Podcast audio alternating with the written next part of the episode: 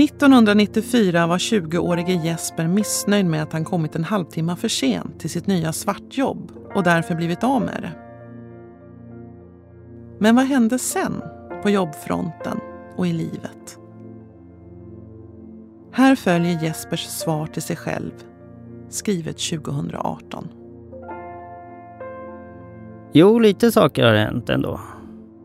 Men en del är detsamma. Det ska vara roligt om det här brevet skickas till mig om ytterligare 20 år. Jag har faktiskt kvar en hel del av vännerna som jag hade då. Känner mig ganska mycket som samma person, fast mycket mer lugn i mig själv. Har egen lägenhet i Stockholm, där jag bor och har mina två barn varannan vecka. Nu när de är 10 och 12 år gamla är det fantastiskt roligt att hänga med dem. Barnens mamma och jag är väldigt bra vänner. Jag har provat på att vara gift, bott på båt, bott och arbetat på Island med att bygga lavastenmurar och totempålar.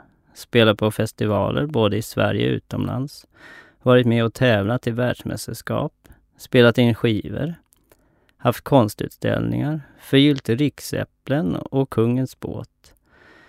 Skrivit I love broccoli under färgen på George Bushs privata stolar lagat stenutsmyckningar på Stockholms slott och riksdagshuset, drivit en vintagebutik och designat skjortor med alldeles för stora kragar.